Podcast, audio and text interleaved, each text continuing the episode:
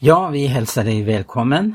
Jag som säger det heter Tage Johansson och med mig har jag Gertrud Johansson som ska läsa om Maranatavittnet Abraham. Men eh, jag vill eh, återknyta till det jag började med förra fredagen då det handlar om Noa. Noa är ju en eh, mycket Eh, märklig person i Bibeln. Och det har ju att göra med att han levde en mycket speciell tid. Och det eh, förvånar oss inte att eh, vi som lever i den här tiden upplever hur sant det Jesus säger om att den här tiden kommer att vara så som det var på Noas tid och på Lots tid. Det är inte svårt att eh, förstå det sammanhanget som eh, vi kan läsa om i bland annat Matteus evangelium och Lukas. Den tid, den var alldeles speciell. Och eh, vi kan idag se att och eh, förstå att det finns en tydlig jämförelse. Vi upplever det verkligen. Och den här tiden som Noa levde så fick han eh, vara med om en eh, gudomlig uppenbarelse. Gud uppenbarade någonting för, för Noa som han gjorde därefter. Eh, och som vi påminner varandra om eh, förra programmet, eh, vad som står i Hebreerbrevet 11, så står det så här att det var genom tron som Noa sedan han fått en uppenbarelse om något som han ännu inte såg, i from förtröstan byggde en ark för att rädda sitt hus och genom den blev han värden till dom och fick till arvedel den rättfärdighet som hör tro till. I en annan bibelöversättning, ja det är Hedegårds, så står det så här. Genom tron fick Noa från Gud en varning som gällde en osedd framtid. I hela fruktan byggde han en ark för att rädda sin familj. Och genom sin tro blev han en dom för världen och blev en arvinge till den rättfärdighet som grundar sig på tron. Janoa, han trodde och handlade och han blev därmed ett föredöme för den tid vi lever i. Och det är också det som Paulus talar om att eh, vi Eh, skall med fruktan och bävan arbeta på vår frälsning.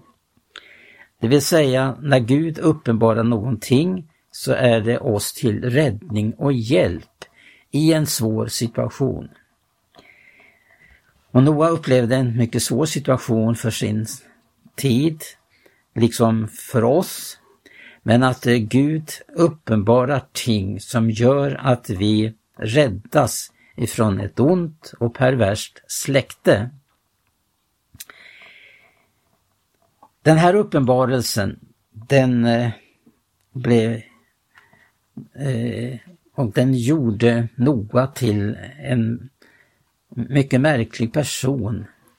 En person som eh, inte formades utav sin samtid utan gick en helt annan väg än vad människorna i allmänhet hade för uppfattning om att man skulle göra och leva. Och när vi nu eh, har läst ifrån eh, den här boken Maranata som Arne Imsen skrev så påminner han just om detta med Maranata-budskapet och att eh, det, fanns, det finns förebilder för ett Maranatabudskap. Just Abraham och eh, Eh, Noa har jag ju tidigare då nämnt i förra på, tredagens program. Och eh, jag ska be också Gertrud läsa eh, där Arne Imsen skriver om Abraham så som ett vittne. Men jag vill dröja kvar med detta med Noa och jämföra detta med den det märkliga bibelundervisning som vi får vara med om som Maranata-folk på slutet av 60-talet och fram till 77 där konferen konferenserna hölls vid Malmköping. Och där drogs det just upp eh, riktlinjer och eh, vi upplevde tydligt hur vi skulle göra i det ena och andra fallet. Och det, det handlar om att Gud hen, hänvisar till en väg som Guds folk ska vandra. Och det, det handlade om att ta upp frågor som gällde samhället, familjen, arbetet, barnen. Och det fick det konsekvenser att eh, eh, Pigenskolan kom till. Det vill säga att föräldrar tog barnen ur skolan och undervisade dem själva. Hemundervisning som vi också kallar det. Och det handlade också om den, den kristne och arbetet. Det handlar om fackförening. Kan en kristen vara med i en fackförening? Och det handlar om familjen i denna tid som eh, är så utsatt. Eh, det, det handlade om att eh, vi måste vara med om ett uppbrott, precis som Noa och Abraham upplevde. Att få leva ett annat liv, att få satsa på någonting annat än den här världsordningen. Att ge alla sina krafter och tid till världsordningen. Nu var det frågan om att eh, uppleva eh, eh, den, den gemenskap vi kan läsa om i Apostlagärningarnas andra kapitel och även i det fjärde kapitlet. Hur man eh, var med om ett uppbrott och att eh, som Noa fick gestalta någonting annat. Han var, han inte talade ett budskap han hade fått av Gud utan han var också budskapet. Han Eh, personifierade detta som Gud uppenbarade. Men jag ska be nu Gertrud läsa och eh, vad Arne Imsen också skriver just detta om Abraham som ett Maranata Vittne. Ja, det står så här. Väckelsepionjären och Maranata-vittnet Abraham förblev en världsfrånvänd gäst och främling såsom tältande pilgrim i tiden. Väckelsekristendomen hämtar sina symboler och förebilder från den uppenbarelsetrons fader och kommer att i alla avseenden, i ord och gärning, identifiera sig med honom och dela hans livsöde. Gudsbilden och världsbilden är identiska och konsekvenserna detsamma för varje generation som äger och fortplantar hans uppenbarelsetro. Abrahams suveränitet och oberoende gjorde honom till medlare och förmedlare på högsta nivå med en himmelsk räddningsaktion för att befria Lot och hans familj ur katastrofområdet som resultat. Var fanns den befriade och räddade Lot efter Abrahams räddningsaktion? Var inte fångenskapen nog för prövning, omvärdering och omvändelse? Eller var det möjligen så att det som drev Abraham närmare Gud i intensiv och påträngande förbön väckte den rättfärdige Lots sociala ambitioner att offra tid och krafter för osjälviskt hjälp och reformarbete? Han hade förvisso något att ge och utföra för stadens utsatta och förtryckta invånare. Men Sodom var ingen plats att slå sig till ro och utföra socialetiska bragder för den som bevarat den första insikten och under vandringen i tro och lydnad dragit ut från det väsenslika kaldeiska ur. Man kan se och bedöma motsättningarna, men det finns inga möjligheter att överbrygga dem. Sodoms konung och Salems konung kan inte samregera. De utesluter varandra. Utstötningsfaktorerna är genetiskt betingade varför fiendskapen är artbestämd på samma sätt som Guds rike och världen. Det är svårt att tala om Abraham som individ. Han överraskar ständigt med nya erfarenheter från trons värld och det blir allt tydligare att han i sin länd bär anlagen till många folk. Fadern Tera Brorsonen Lot och sönerna Ismael och Isak är på samma sätt mer än individer av kött och blod. De är prototyper för en splittrad mänsklighet i en komplicerad värld utan hopp. Abraham inriktade hela sitt liv på att nå fram till en himmelsk stad med fasta grundvalar vars byggmästare var Gud själv, som han eller någon annan. Därför blev hans möte med och relationer till inomvärldsliga storheter och maktcentra onormala och ansträngda. Han var i sanning en otillgänglig särling i kulturlandskapet. Han var verkligen inte lottlös och ännu mindre herrelös, men personifierade en frihet och en självständighet som icke är av denna världen. Han hade mycket men ägde inget. Han var ensam men hörde hemma bland oräkneliga skaror. Han bodde i tält men levde genom hoppet redan här i den nya staden med de fasta grundvalarna. Ständigt nya omöjligheter upplöstes mirakulöst och blev Guds möjligheter. Enkelt, vardagligt och familjärt umgicks han med Gud så att samtidens härskande makthavare och storheter fick rätta proportioner. Hans paroll var Gud är mäktig, Gud är trofast. Han var oåtkomlig, ointaglig och obegriplig, omgiven av frälsningens eldsmurar.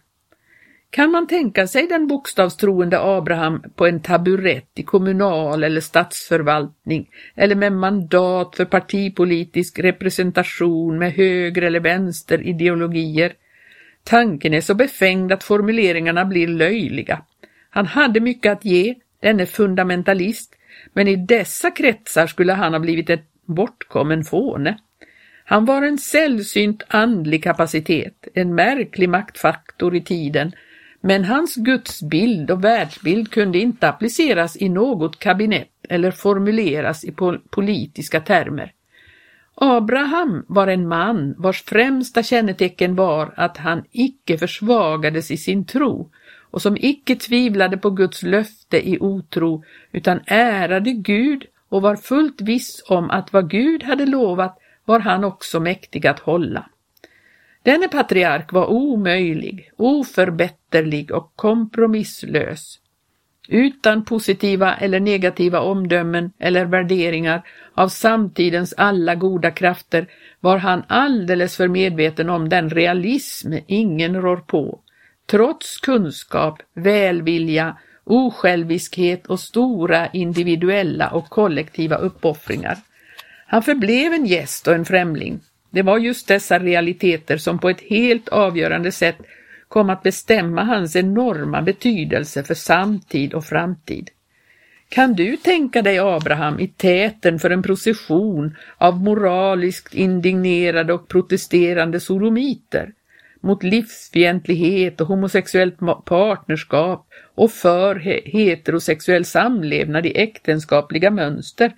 Han genomskådade att det fanns ett hemlighetsfullt samband mellan heterosexuell materialism och homosexuell egoism.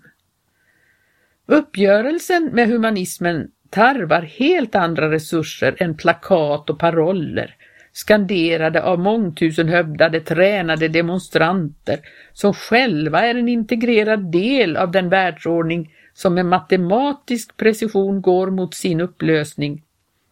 I nästa moment finns samma demonstranter uppställda i vapenrock med konungsliga emblem och moderna mordvapen för att utsläcka liv i tusental under militärt kommando och statlig order.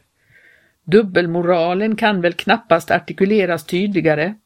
Han var närvarande men icke etablerad och absorberad.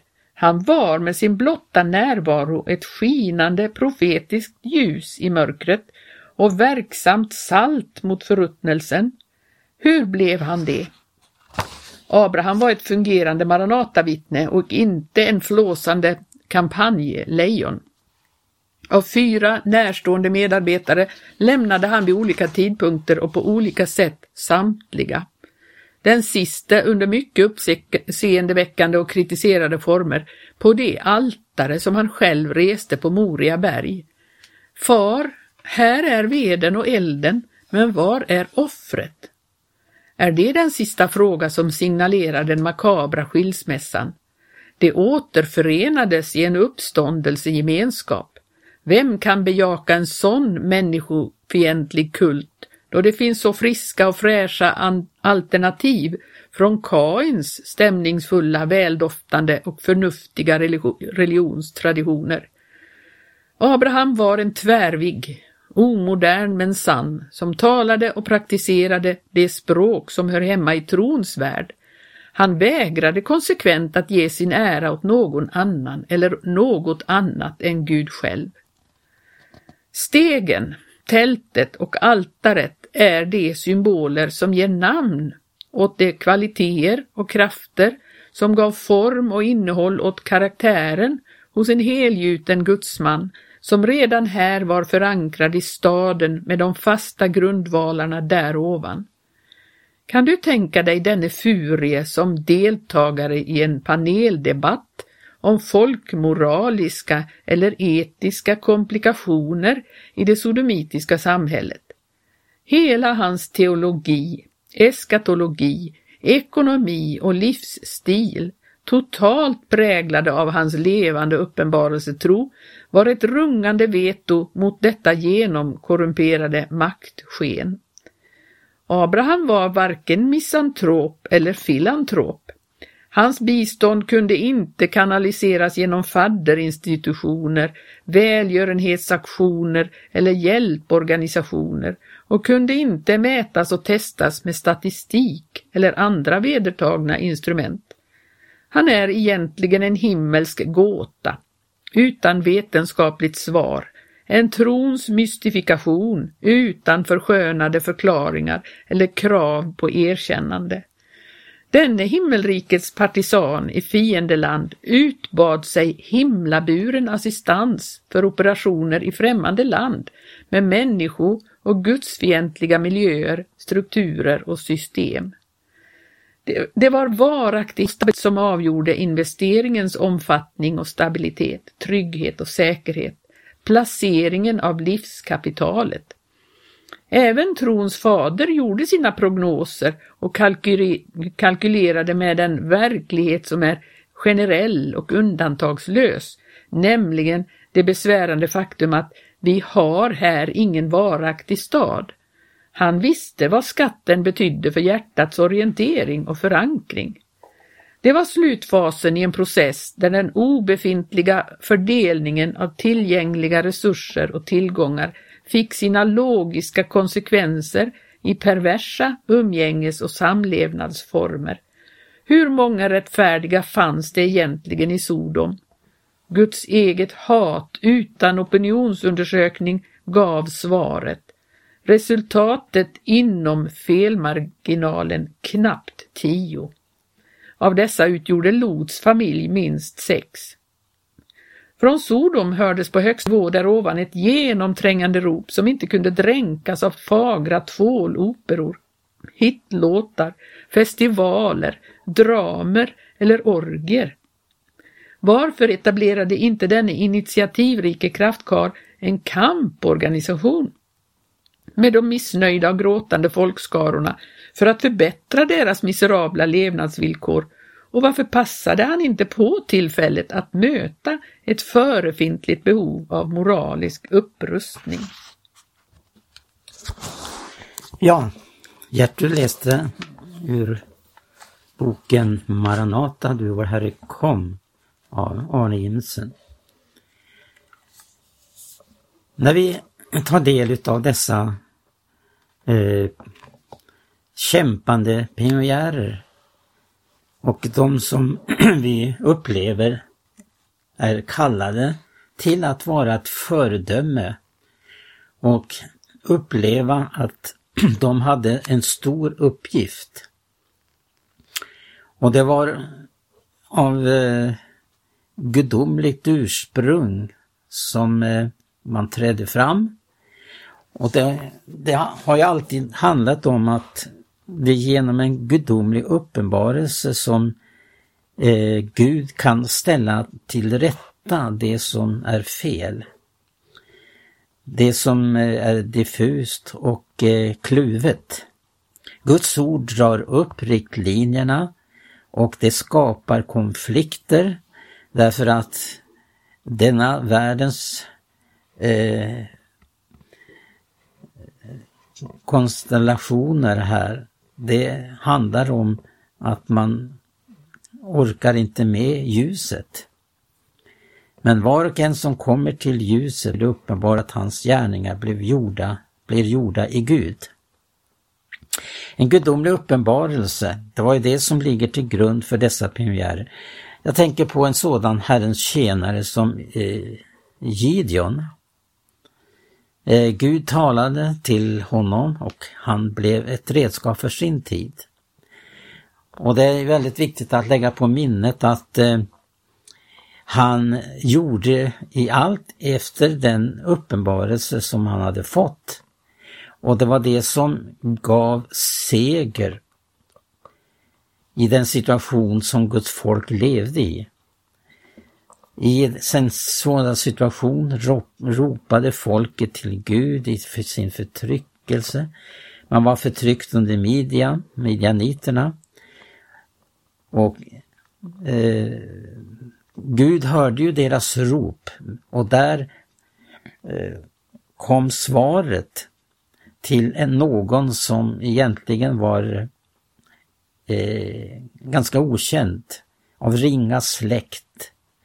Men Gud ser till, till hjärtan och viljan att gestalta det Gud, är uppen, det Gud uppenbarar.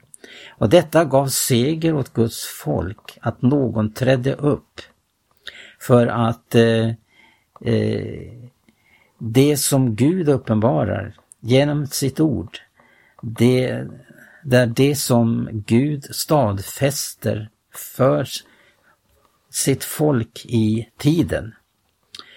Det här är väldigt viktigt att eh, lägga på minnet. Han kompromissade aldrig utan han fullföljde vad som Gud uppenbarade. Och Gud gav seger genom dessa 300 som eh, betedde sig så annorlunda den övriga i hopen av Israels folk.